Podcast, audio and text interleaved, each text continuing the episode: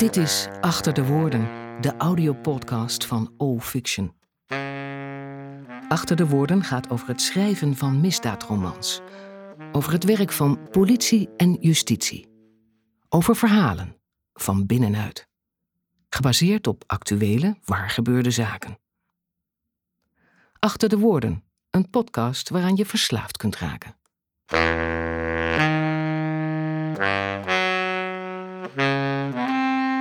Ieder kwartaal publiceert Achter de Woorden een nieuw fragment uit de reeks Severijn en Govaert of een kort verhaal als voorstudie voor deze misdaadromans. Achter de Woorden doet verslag van persoonlijke ervaringen uit de wereld van politie en justitie.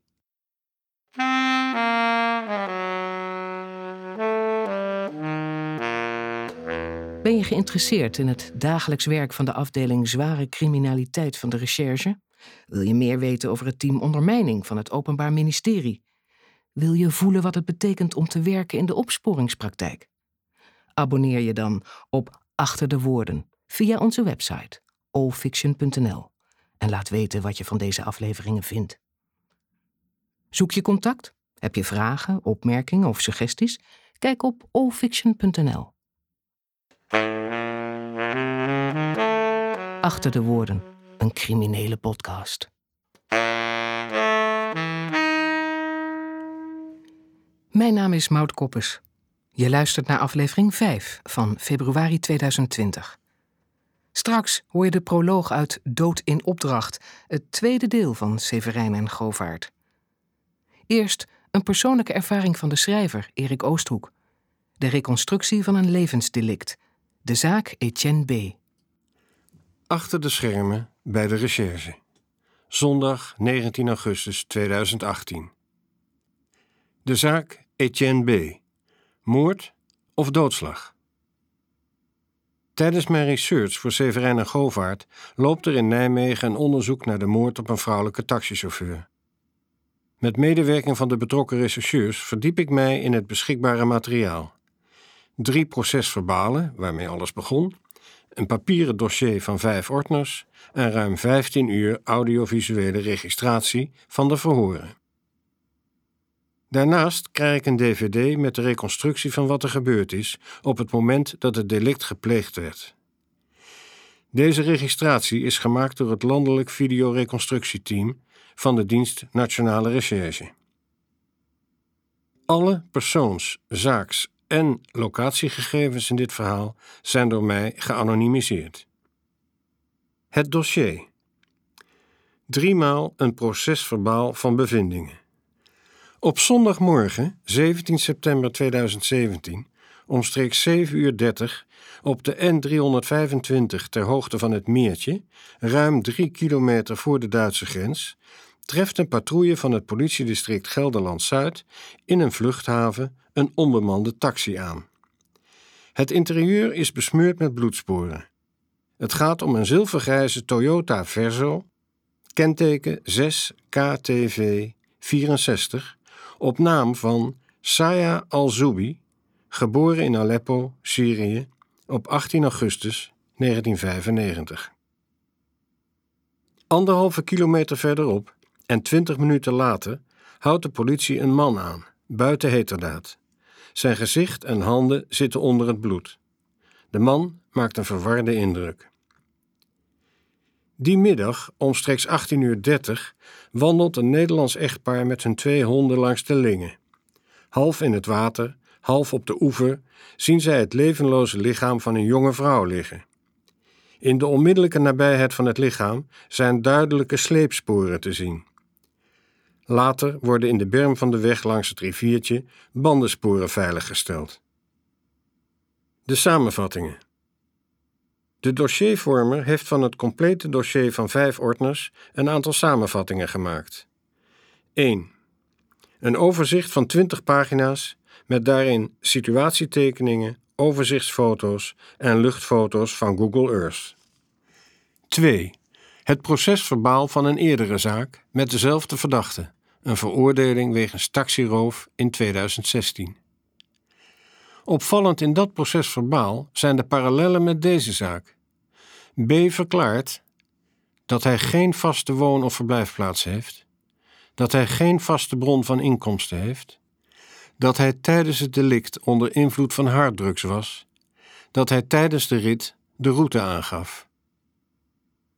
3. Het rapport van de lijkschouw in het Canisius Wilhelmina ziekenhuis in Nijmegen, plus foto's. 4. Het SARS-dossier met procesverbalen van bevindingen, verslagen van getuigenverhoren en een samenvatting van de resultaten van het buurtonderzoek. 5. Het persoonsdossier met verslagen betreffende aanhouding, ophouding voor onderzoek, in verzekeringstelling, voorgeleiding en bevel tot gevangenhouding van de verdachte. 6. Het algemeen dossier met uitleg over de opbouw van het procesdossier en een bijlageindex. 7. Een DVD met een reconstructie van wat er op zondagmorgen 17 september 2017 in en rond de stilstaande taxi gebeurd is. Normaal gesproken krijgen verdachte en raadsman het complete dossier te lezen, met uitzondering van forensische stukken die in opdracht van de officier worden achtergehouden. Ook nu blijkt uit de verhoren dat de verdachte delen van zijn dossier heeft gelezen. Je moet die samenvatting van wat je verklaard hebt snel doorlezen, zoals uh, kop in de krant. Als je akkoord bent, tekenen. Ik kan maar een uurtje blijven, even tempo maken dus. De raadsman tegen Etienne B. Audiovisuele verhoorregistratie. Ik kijk de registratie van de verhoren terug in de regiekamer. De recherche hanteert tijdens de verhoren in dit soort zaken een vaste routine. De opname wordt door het verhoorkoppel gestart voor binnenkomst van verdachte en advocaat en loopt door tot en met het vertrek van de rechercheurs. Het beeld op de monitor is opgedeeld in drie velden. Links een totaalshot richting verdachte, waar het verhoorkoppel op de rug te zien is. Rechtsboven een closer shot, waar we de verhoorders in het gezicht kijken. Rechtsonder een shot van bovenaf, waarin de hele verhoorruimte te zien is. Linksonder in beeld zien we zaaknummer, zaaknaam en pakketnummer. Daaronder de gegevens van de registratie zelf: datum, actuele tijd, locatie, tijdcode met lengteaanduiding. Op een tweede, kleinere monitor is de verdachte te zien in een ruime close-up. Gedurende deze dagen realiseer ik me dat er kennelijk nooit vakkundig advies is gegeven door iemand met regieervaring in de film- en televisiewereld. Cameraopstelling en kadrering hadden aanzienlijk effectiever gekund. Dat joch heeft verdomme het niveau van een visstick. Rechercheur tegen zijn vrouwelijke collega na het eerste verhoor. De zaak. Zaaknummer 09-600-114-12 wordt in eerste aanleg voor de meervoudige Kamer behandeld op de zitting van maandag 11 juni 2018. Het gaat om de strafzaak tegen Etienne, Eddy, Emmanuel Bovink, geboren te Nijmegen op 23 april 1999, zonder bekende woon- of verblijfplaats, gedetineerd in de penitentiaire inrichting Arnhem-Zuid. De verdachte wordt bijgestaan door meester Eduard van Wageningen, advocaat, kantoorhoudende te Arnhem. De verdachte en zijn raadsman zijn op zitting verschenen. De tenlastelegging aan de verdachte. De verdenking komt er, kort weergegeven, op neer dat de verdachte in de nacht van zaterdag 16 op zondag 17 september 2017 te Elst, gemeente Overbetuwe, Saya al-Zubi 1 primair, opzettelijk en met voorbedachte raden van het leven heeft beroofd, dan wel 2. subsidiair, opzettelijk van het leven heeft beroofd door haar met een mes in het lichaam te steken, waarna hij haar heeft beroofd van haar taxi, portemonnees en of haar telefoon. Hoewel die zaak eh, jou waardig was en we al drie lopende onderzoeken tegelijk draaiden, hebben we direct na de melding besloten dit onderzoek zelf te doen, met vier man. Leider onderzoek. De taxirit tot 6 uur 43. Wat is er precies gebeurd na vertrek van de taxi uit Arnhem tot aan het moment waarop de taxi gevonden is? Tijdens het forensisch onderzoek eh, namen we als eerste de boordcomputer van de taxi en de TomTom in beslag. Via de inspectie Leefomgeving en Transport, dat is een eh, organisatie die de controle uitvoert over taximeters, kreeg het team binnen één dag alle GPS-gegevens van de complete taxirit van die ochtend.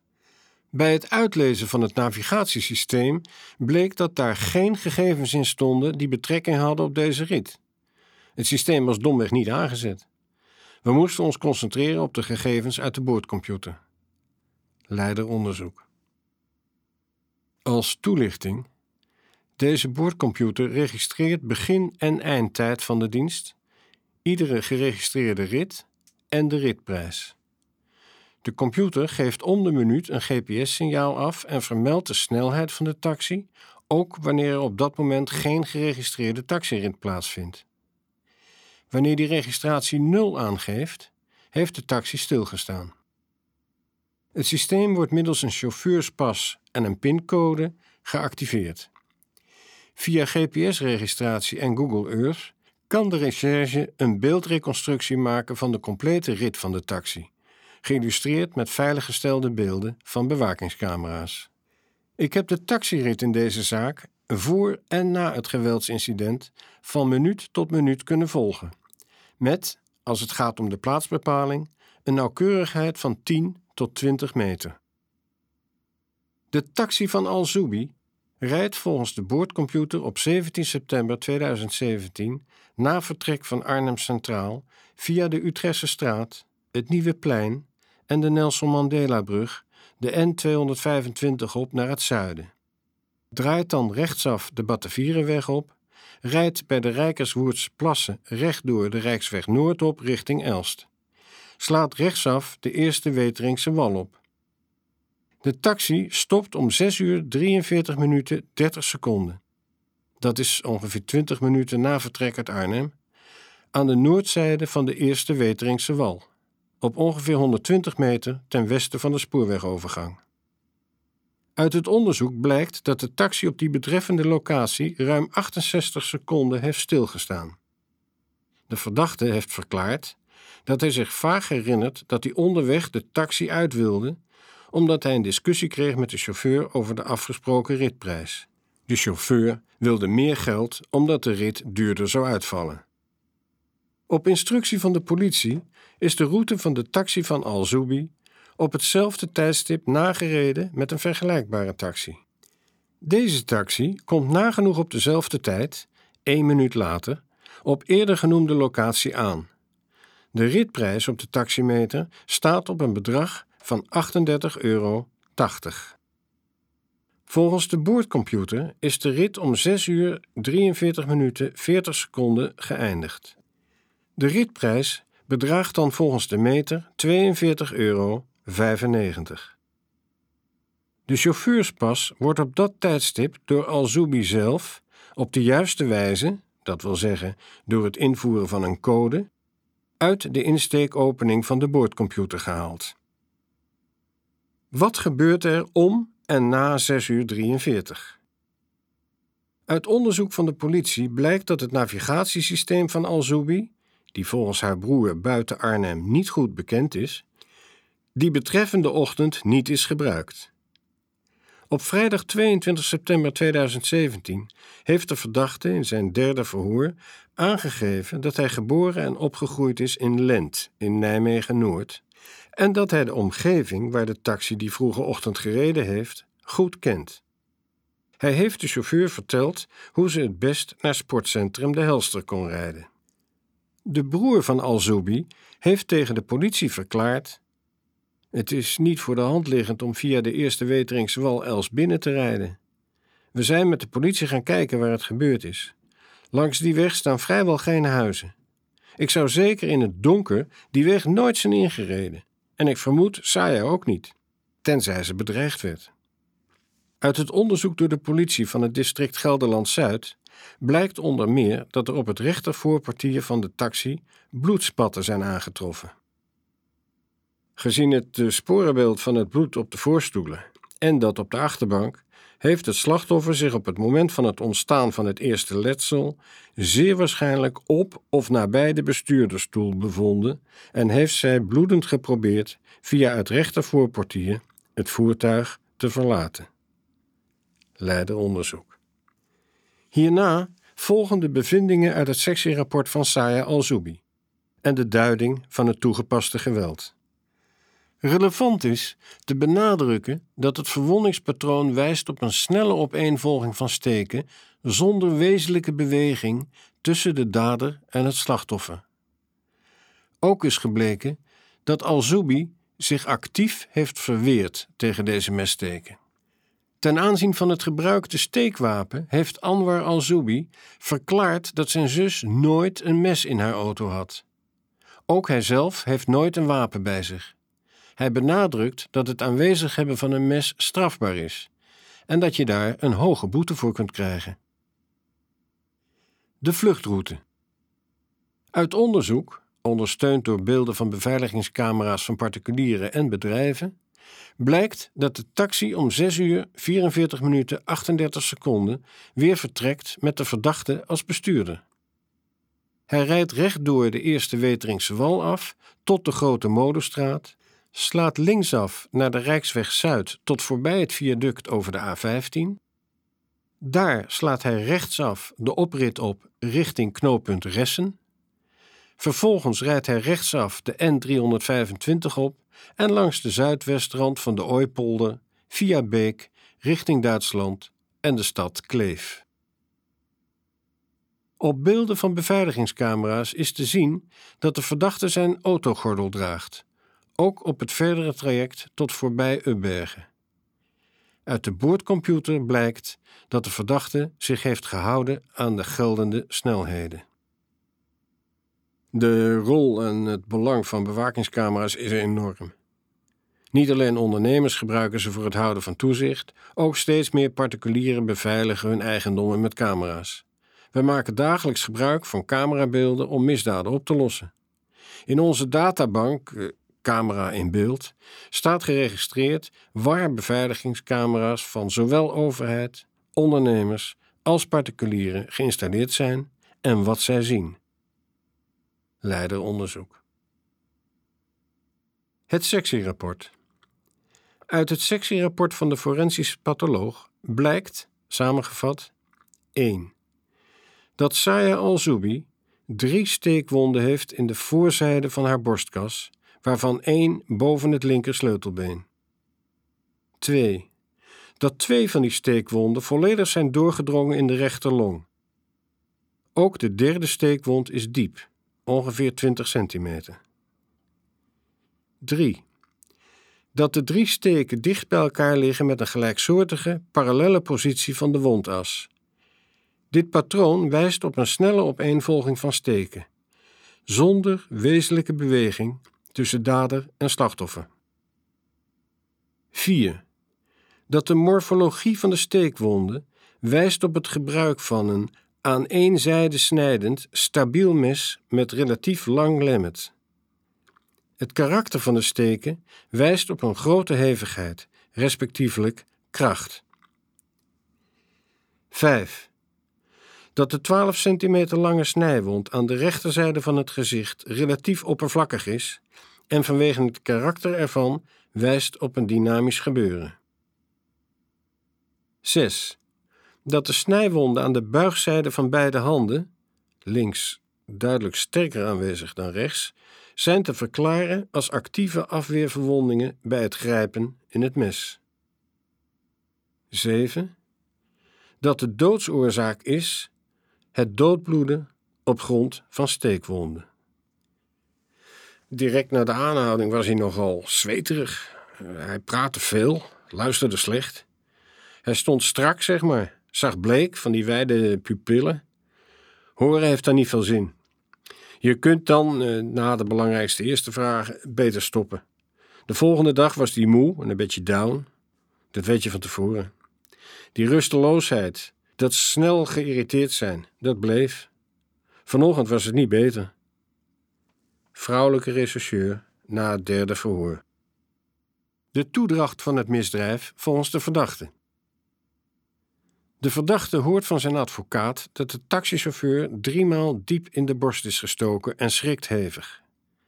Hij verklaart dat er, toen ze op de eerste Weteringswal aankwamen, nog steeds oneenigheid over de ritprijs was.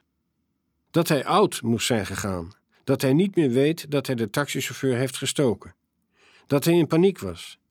Hij verklaart dat hij weg wilde, weg van die plek, weg van zijn verleden. Hij verklaart dat hij Al-Zubi uit de auto heeft getrokken, dat hij haar zakken heeft leeggemaakt en dat hij haar naar de oever van de Lingen heeft gesleept. Het kwam op dat moment niet in hem op om te kijken of ze nog leefde, of om een dokter of ambulance te bellen. Verdachte is vervolgens gaan rijden richting Duitsland. Het mes heeft hij kort na vertrek in paniek uit het linker portierraam gegooid.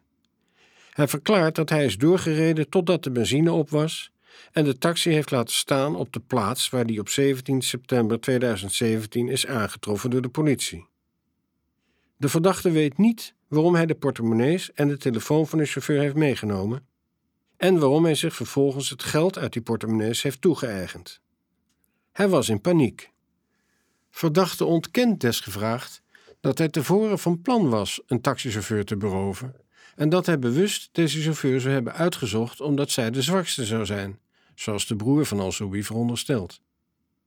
Hij betwist ook dat hij geen geld bij zich zou hebben gehad. Hij verklaart dat hij 50 euro bij zich had en dat hij haar had uitgekozen omdat zij de goedkoopste was. Vijf jongens. Ik was de jongste.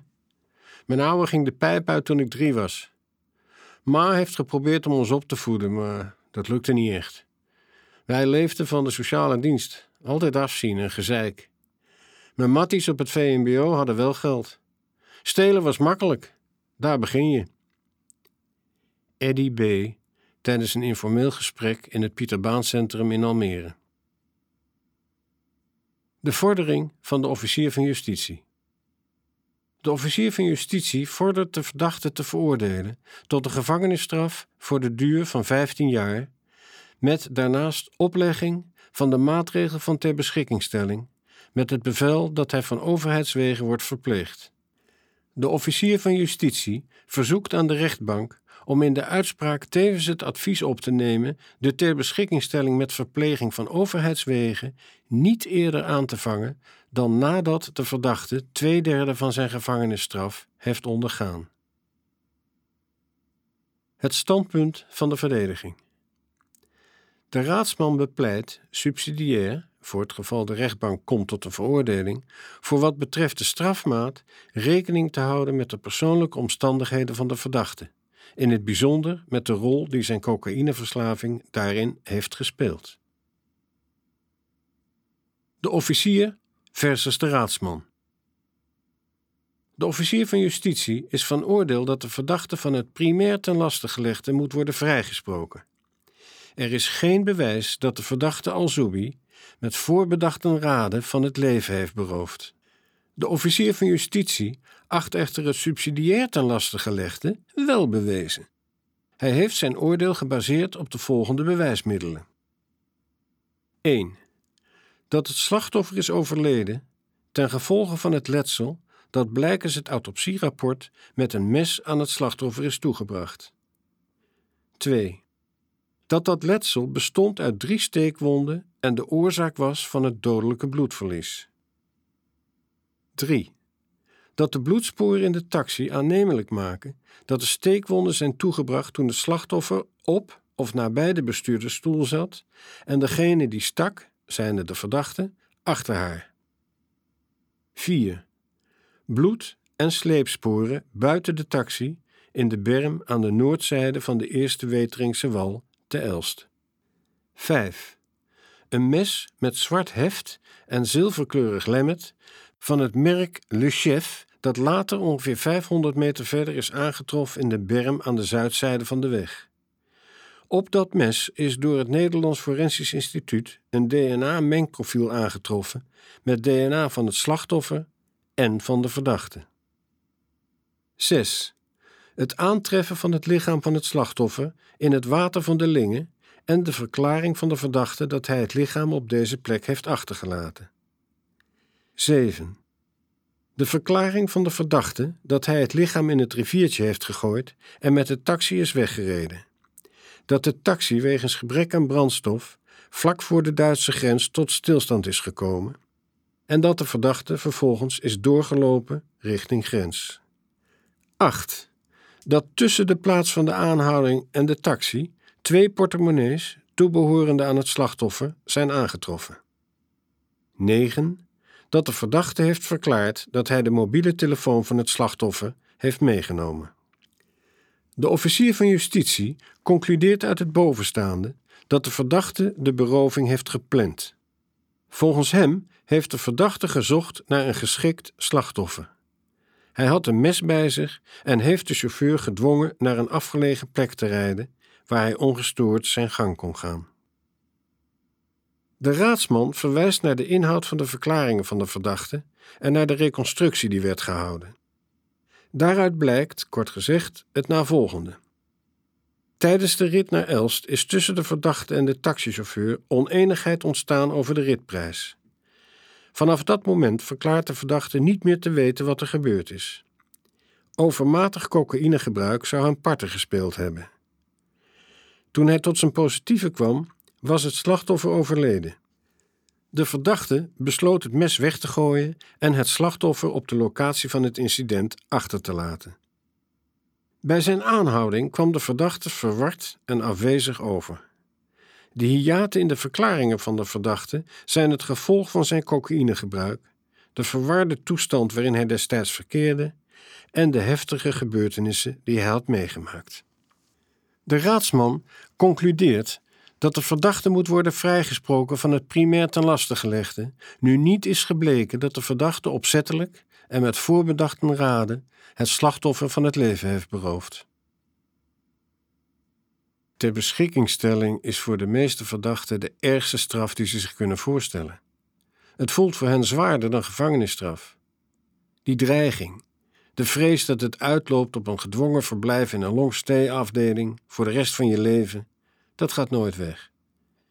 Als je een celstraf krijgt, weet je wanneer je weer vrijkomt.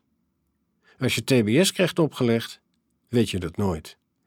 Daarom heb ik mijn cliënt afgeraden om zich psychisch te laten onderzoeken. De raadsman van de verdachte. Het oordeel van de rechtbank ten aanzien van het bewijs. In de vroege ochtend van zondag 17 september 2017 begint Saya Al-Zoubi, taxichauffeur in Arnhem, aan haar dagdienst. Eerder die ochtend heeft de verdachte op de taxistandplaats aan Stationsplein West, nabij Arnhem Centraal, verschillende wachtende chauffeurs gevraagd naar de prijs van een taxirit naar sportcentrum De Helster aan de Grote Molenstraat in Elst. Om 6 uur 12 minuten, een uur voor zonsopgang, sluit Al-Zoubi met haar taxi aan in de wachtrij op de standplaats.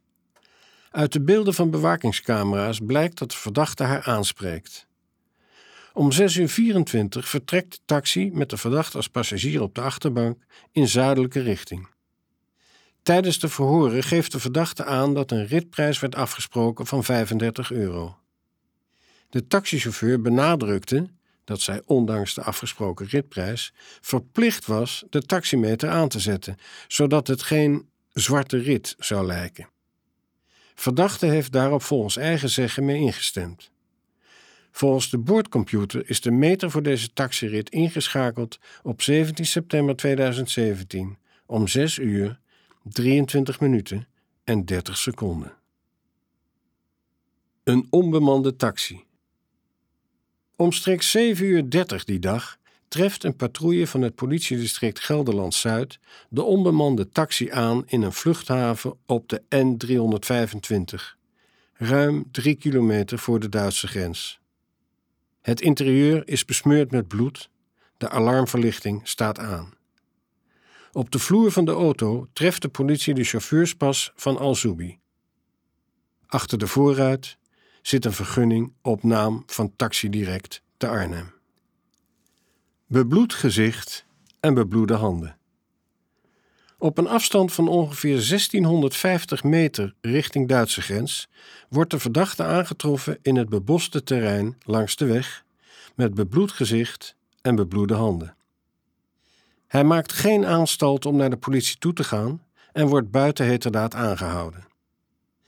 Wanneer hem gevraagd wordt hoe hij zo bebloed is geraakt, vertelt de verdachte dat hij gevochten heeft. Hij weet niet meer met wie en waarvoor hij is gevlucht. Wel weet hij dat hij in een taxi reed die opeens zonder benzine kwam te staan. De politie brengt de verdachte daarop over naar het hoofdbureau van politie te Nijmegen. Voor transport wordt hij vluchtig nagekeken op zijn kleding. De verdachte geeft drie telefoons aan de politie, waaronder een telefoon van het merk Samsung en een portemonnee met geld, waaronder een biljet van 50 euro. Op de terechtzitting heeft de verdachte verklaard dat hij destijds is onderzocht door een forensisch arts en dat er geen fysiek letsel is geconstateerd. Bij laboratoriumonderzoek later op die dag zijn in de urine van de verdachte metabolieten aangetroffen, afbraakstoffen die een grote mate van cocaïnegebruik bevestigen. Speurhond.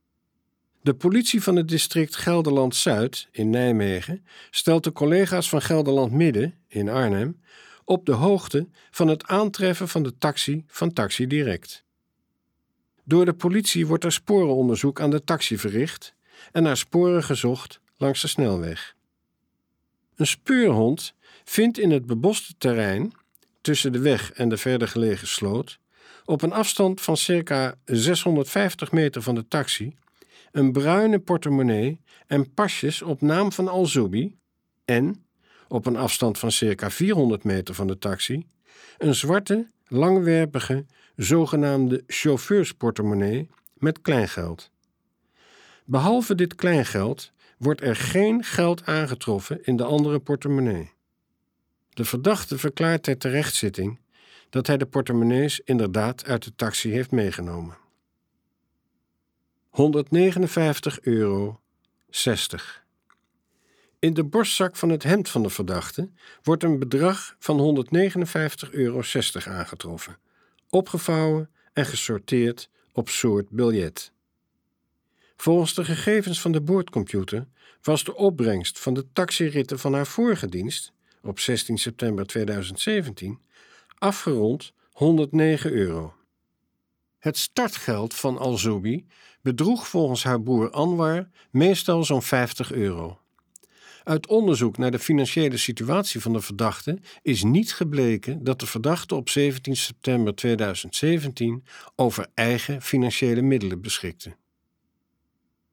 De politie in Arnhem is naar aanleiding van de verkregen informatie uit Nijmegen in de vroege middag van 17 september 2017 naar de woning van Saya Alzoubi gegaan, waar ook haar ouders en oudere broer wonen. Haar vader vertelt de politie dat zijn dochter Saya die ochtend om 5 uur 30 met haar taxi is vertrokken om haar dagdienst te draaien en daarna niet is thuisgekomen. Door haar broer Anwar worden recente foto's van Al-Zubi aan de politie ter beschikking gesteld. Lijkschouw.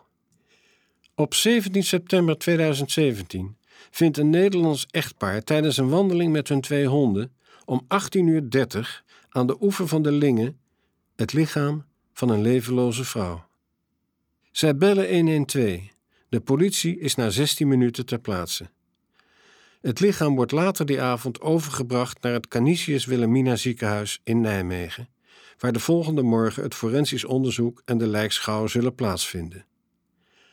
Op 18 september 2017, om 16 uur s middags, gaan de vader en de broer van Alzoubi, onder begeleiding van de politie, naar het mortuarium, waar zij het stoffelijk overschot herkennen als dat van hun dochter en zuster, Saya Alzoubi, geboren op 18 augustus 1995 te Aleppo, Syrië.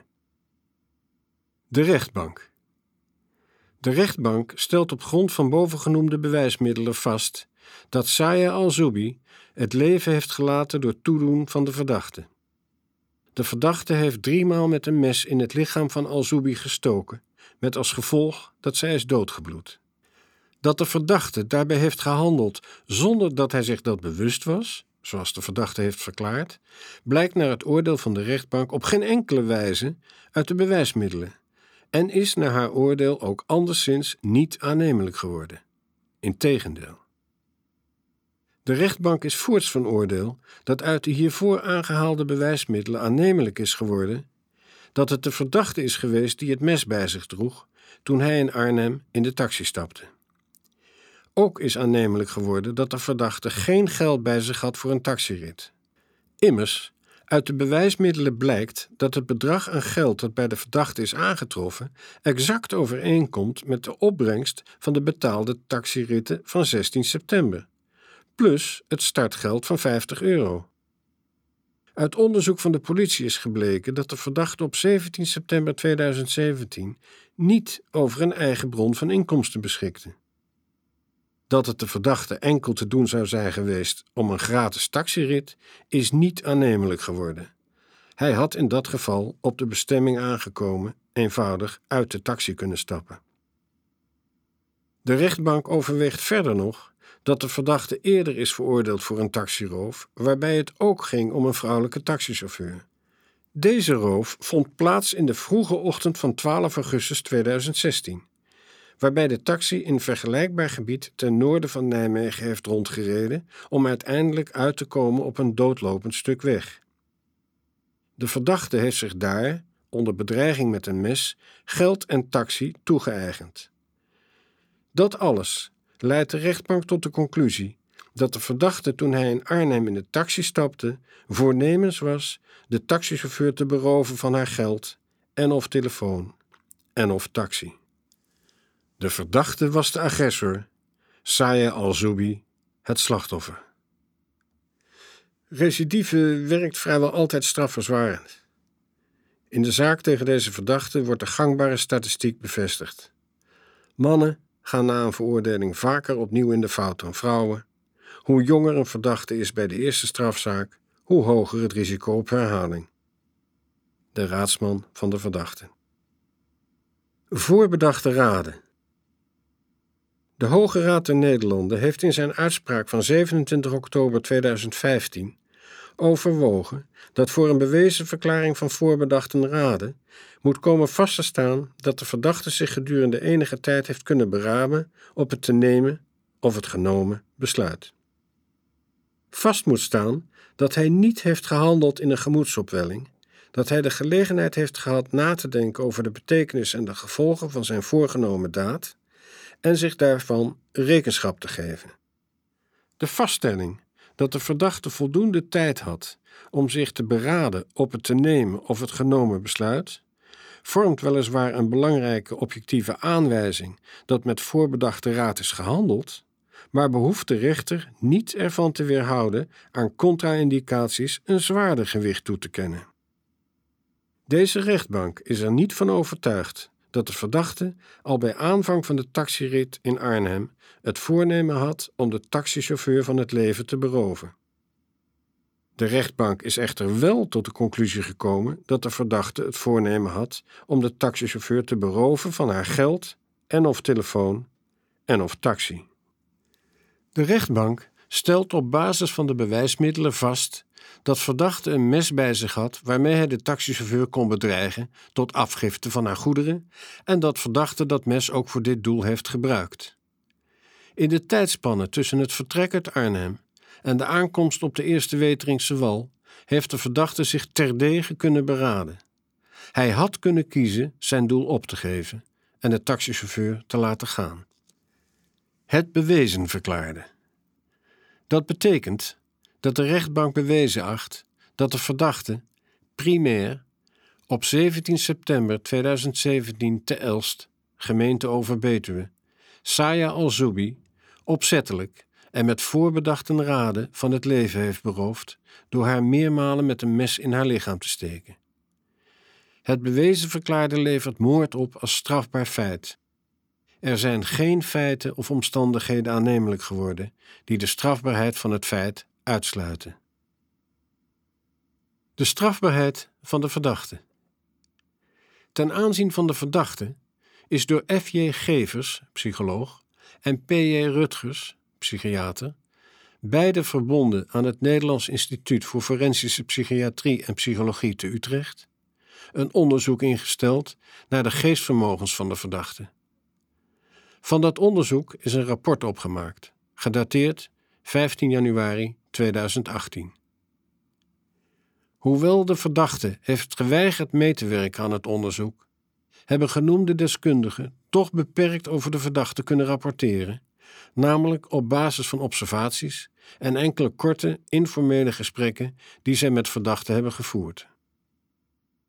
Persoonlijkheidsstoornis.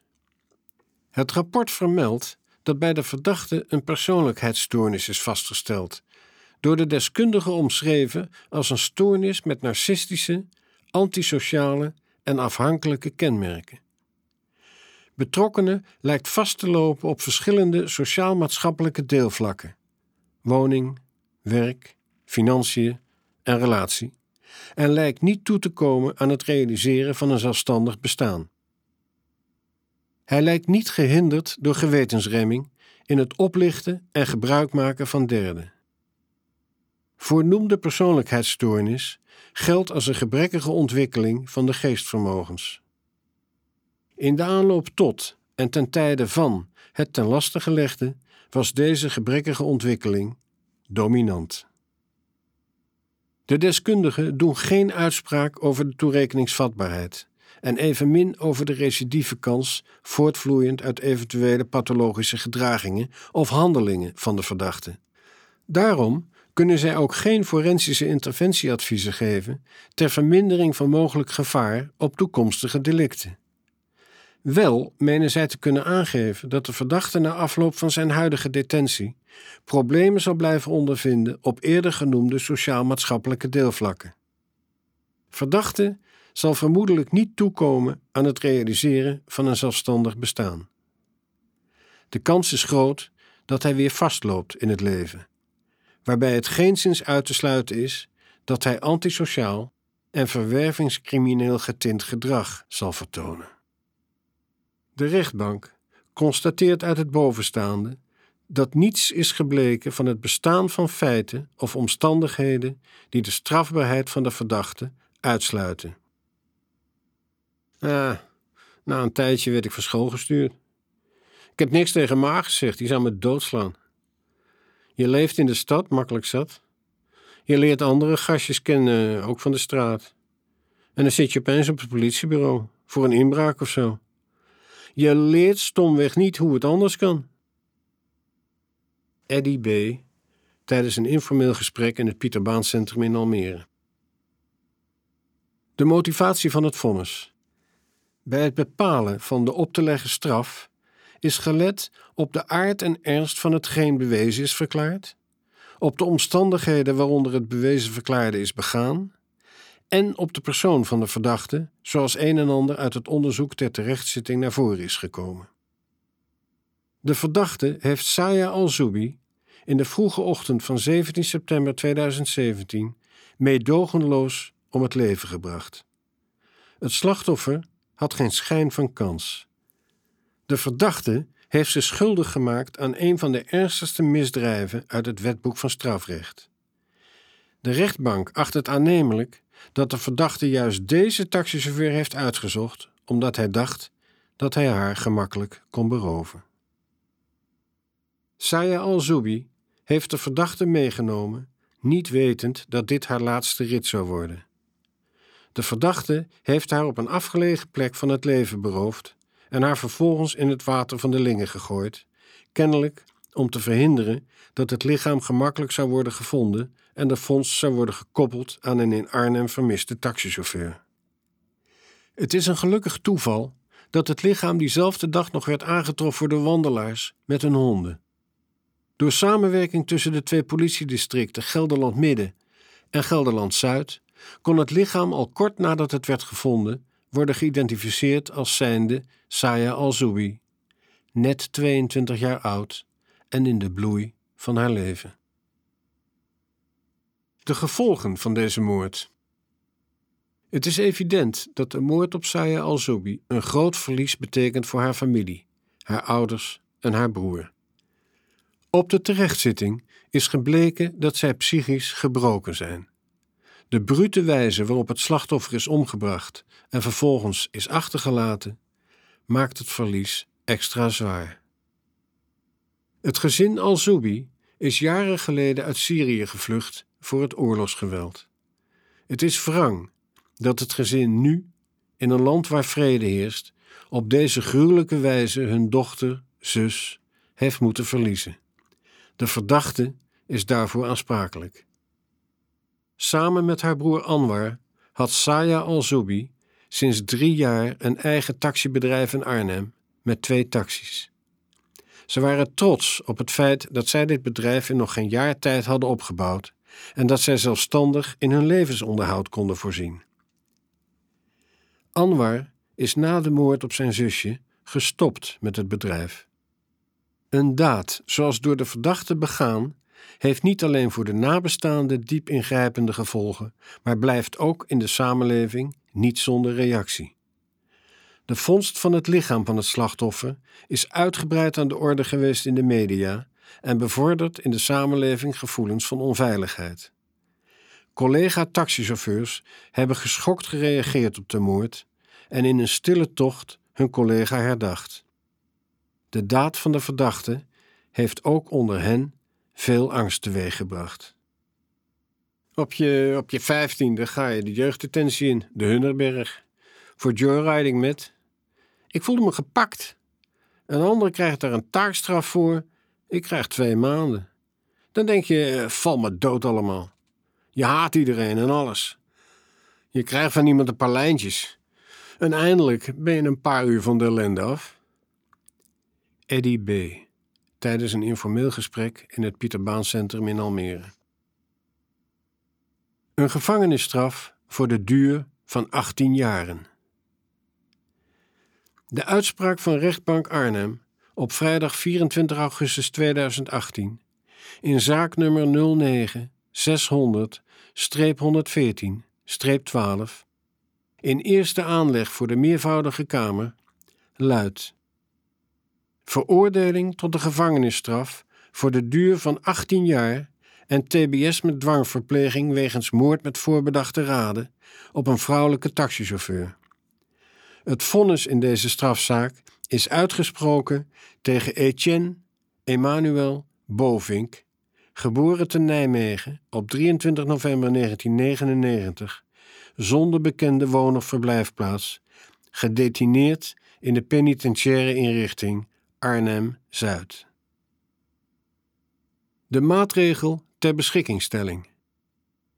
De rechtbank heeft bij de strafoplegging ten nadele van de verdachte rekening gehouden met zijn strafblad. Daaruit blijkt dat hij onder meer reeds eerder is veroordeeld wegens een overval op een taxichauffeur in 2016. De rechtbank acht deze lange gevangenisstraf, gelet op het voorgaande, passend en geboden. Gezien het recidiverisico en het gevaar voor de maatschappij bij het onbehandeld terugkeren naar detentie, zal aan de verdachte tevens de maatregel ter beschikkingstelling met dwangverpleging van overheidswegen worden opgelegd.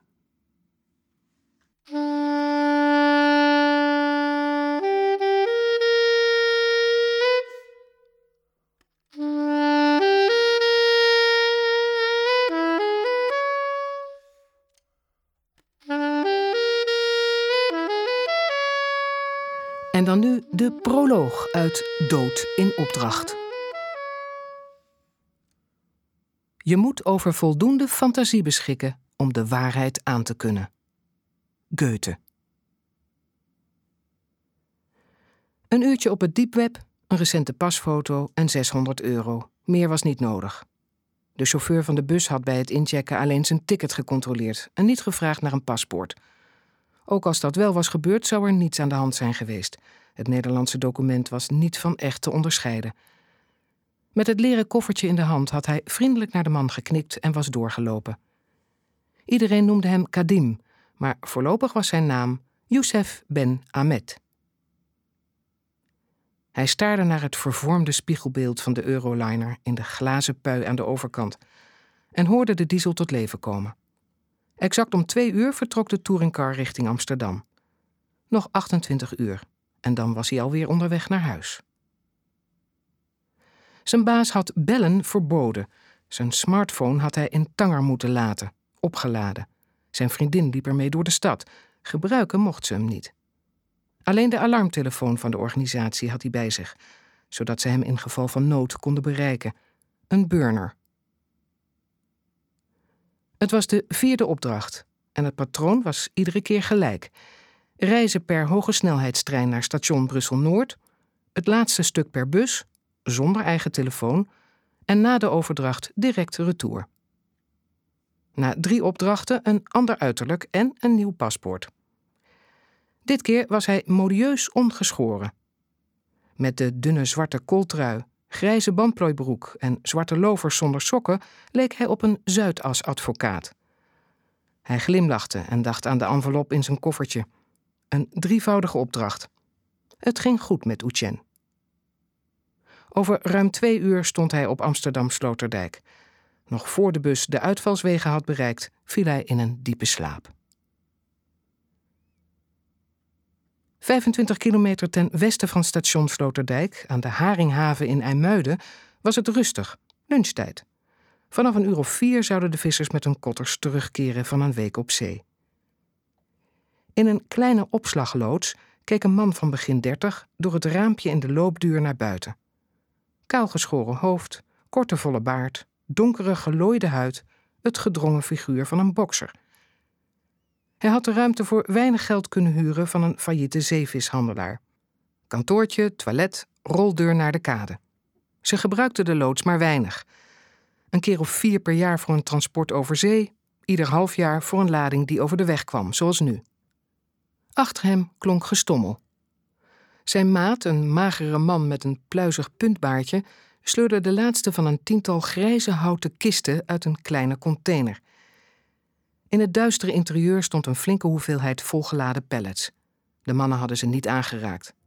Ervoor en meer opzij stonden vier blauwe kunststof 60 liter vaten met een zwarte schroefdeksel en verweerde etiketten. De houten kisten waren omsnoerd met donkere stalen banden, de vaten gesloten met een verzinkte sluitring. Zowel de kisten als de vaten waren genummerd. De bokser draaide zich om en keek op het klembord dat hij in zijn hand had. Hij vergeleek de nummers op de kopie van de laadbrief met die op zijn lijst en knikte. Deze vier vaten nog en dan hadden ze de partij binnen. Samen tilden ze het eerste vat met enige moeite in een oud bestelbusje. Op de laadvloer lag een stapel grijze verhuisdekens. Daarnaast drie paar Nederlandse kentekenplaten met verschillende nummers. Vijf minuten later klikte hij zijn telefoon aan, keek hoe laat het was en zuchtte. Het inladen had meer tijd gekost dan verwacht. Toch was hij tevreden. Nog even, dan kon hij Brussel melden dat fase 1 achter de rug was. De baas zou tevreden zijn. Over een paar dagen zaten ze weer in België. De bokser dacht aan het sensuele lichaam van zijn vriendin in Molenbeek. Hij had haar al vier dagen niet gezien. Anderhalf uur later reed de bokser door een openstaand toegangshek een rangeerterrein op aan de rand van het westelijk havengebied in Amsterdam. Het eerste afleveringsadres. Daarna nog twee te gaan. Langzaam reed het lichtblauwe bestelbusje langs een paar aan elkaar gekoppelde tankwagons naar een rij van zes kleine golfplaten loodsen. Terwijl hij op zijn telefoon het nummer controleerde, stopte hij bij de laatste loods. Zowel op de voorkant als op de schuifdeur was uit de losse pols een 6 geschilderd. Links naast de loods lag een stapel kapotte pallets. Sinds de laatste keer was hier niets veranderd. De bokser knikte naar zijn maat. Hij kende de weg. De magere stapte uit, schopte de houten pelletresten opzij en trok een stuk touw tevoorschijn waaraan een sleutel vastzat. Hij opende het hangslot, schoof de deur open en liep terug naar het busje. Hij pakte een van de grijze kisten, droeg die de loods binnen, sloot de deur af en mikte het touw met de sleutel in de richting van de pallets. Verderop, tussen de tweede en de derde loods, stond een jonge man van in de twintig met zwart krullend haar, zorgvuldige stoppelbaard, donkere zonnebril. Hij had ruim een uur staan wachten en baalde. Waarom was Hasib te laat geweest? Betekende dat iets? Hij dwong zichzelf te wachten tot het busje was verdwenen. Na nog vijf extra minuten trok hij dunne latex handschoenen aan, pakte zijn sporttas en liep naar lood 6. De verlaten werkplaats maakte een troosteloze indruk. Lege schappen, een versleten werkbank, hier en daar wat oud gereedschap, resten van wat ooit een meubelmakerij was geweest. Midden in de ruimte stonden twee personenauto's. Achteraan een zwarte Audi S5, daarvoor een BMW 325i, ook zwart, allebei zonder kentekenplaten. Het rook er naar motorolie, maar de stank van ammoniak overheerste. Morgen zou de BMW weer weg zijn, brandschoon. Stond alleen de Audi nog te wachten tot hij aan de beurt was. Ook deze opslag werd alleen incidenteel door de groep gebruikt. 300 euro huur per maand was veel geld, maar hij had daarmee het zwijgen van de eigenaar gekocht. Het zonlicht viel door de kunststoframen in het golfplaten dak in smalle banen naar binnen. De langwerpige grijze kist stond op de werkbank. Hij pakte de tas en legde zijn gereedschap zorgvuldig naast elkaar. Een lichte bandschaar, een koevoet, een klauwhamer, poetsdoeken en een busje wapenolie. Hij knipte de dunne stalen banden om de kist door en wrikte de deksel los. In de kist lagen zes pakketjes, twee lange en vier korte, gewikkeld in vaalbruin roestwerend papier. Hij legde ze één voor één op de werkbank, pakte de klauwhamer, sloeg de kist uit elkaar en bond de plankjes in een bundeltje samen. De eerste en laatste keer dat hij met zo'n ijzer had geschoten was in de Ardennen. De basis had hij daar geleerd. Meer was ook niet nodig.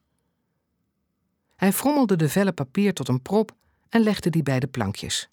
Twee Kalashnikovs, één voor de directe actie, één als reserve. Zelfs als ze onder water hadden gelegen, werkten deze zelfladers nog, had de instructeur gezegd. Hij legde de gebogen patroonhouders apart, de opklapbare schoudersteunen zouden ze thuis laten. Op een afstand van een paar meter kon je nauwelijks missen. Hij glimlachte. Het schieten zelf zou hij aan zijn hitter overlaten. Hij pakte het eerste wapen en klemde de body in de bankschroef. De veiligheidspaal aan de rechterkant stond in de hoogste positie. Hij trok de slede naar achteren, controleerde de kamer, trok de pompstok onder de loop naar voren en legde die ernaast. Hij drukte de knop achter op de kast in en opende het wapen. Minutieus demonteerde hij de verdere onderdelen, ontvette en reinigde ze. Het was een ritueel. Het maakte wat komen ging beheersbaar. Het donkere geluid van een langsrijdende auto haalde hem terug in de echte wereld. Hij stopte het laatste in poetsdoek gewikkelde magazijn bij de rest van de onderdelen in de sporttas. Alles ging er gemakkelijk in, ook het papier en de plankjes. Hij draaide zich om en inspecteerde de werkplaats. Als die A5 was opgehaald, was er geen spoor meer van Oetjen te bekennen, dan waren ze er niet geweest. Hij duwde de hoge metalen schuifdeur knarsend een stukje open, stapte naar buiten, zette de tas op de grond en bleef staan in de schaduw van de loods. Het was volop zomer, windstil en warm. Ondanks de felle zon transpireerde hij nauwelijks. Hij keek naar links en rechts en bestudeerde zorgvuldig de omgeving. Alles lag er verwaarloosd bij. Roestige spoorrails, nog nauwelijks gebruikt. Een magere straathond scharrelde tussen de met onkruid begroeide bielzen.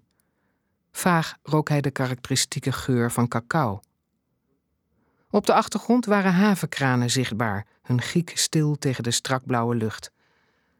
Het toegangshek en de stalen omheining, slordig omwikkeld met prikkeldraad, stond half open, zoals hij het twintig minuten geleden had achtergelaten. Het geheel deed hem denken aan de oude laad- en loshaven van de werf waar zijn vader gewerkt had, niet ver van hun ouderlijk huis in Dordrecht. Het terrein lag aan de oever van de rivier die hij zo goed kende en werd al tijden niet meer gebruikt. Hij was het door de jaren heen als zijn eigen grondgebied gaan beschouwen. Na schooltijd waren ze er iedere dag te vinden, tot etenstijd. Ze trainden er, zijn vrienden en hij. Ze voetbalden, droomden over de toekomst, over rijk worden. De hond snuffelde moedeloos rond tussen de rotzooi. Er liep geel-wit speeksel uit zijn bek. Verder was er geen levend wezen te bekennen. Bewegingloos staarde hij naar het dier. Hij wilde doden. Opeens bukte hij zich, raapte een flinke kei op en gooide die als uit het niets met grote precisie naar de straathond. Een pitcher. Linkerbeen gehoekt, bovenhands, strak en hard. De steen raakte de hond vol in de flank. Het beest kermde van de pijn en verdween jankend in de verte. Zo zou hij het doen, meedogenloos en definitief, keer op keer. Een eeuwigdurende wraak die nooit genoeg zou zijn. Hij dacht aan zijn vader, aan de sobere witte kist, hoorde het huilen van de rouwende vrouwen, de lange schrillen uithalen. Het was nu twaalf jaar geleden, maar de hitte boven het graf in Berkane voelde hij nog steeds.